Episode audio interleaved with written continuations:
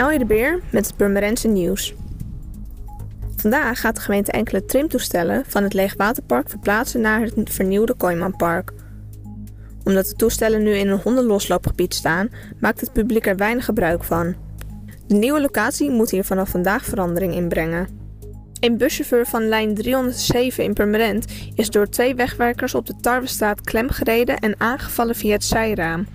Dat laat de woordvoerder van busvervoerder EBS weten. De chauffeur heeft geen idee waarom dit is gebeurd en is erg geschrokken. Morgen is er een speciale kermis in Purmerend voor minder valide en mensen die niet goed tegen prikkels kunnen. De minder valide kermis duurt van 2 tot 4 uur. Bewoners van de Wijnevenne kregen deze week te maken met nepverkopers van Liander. Het gaat om twee jonge jongens die erg opdringerig waren. Liander waarschuwt Purmerenders hier niet op in te gaan en laat weten niet aan deurverkoop te doen. Een 22-jarig man uit Purmerend heeft een onbekende storting van bijna 10.000 euro een jaar lang geheim gehouden. Het geld kwam van een vrouw uit België. Hoe het geld op zijn rekening is gekomen, is nog onbekend.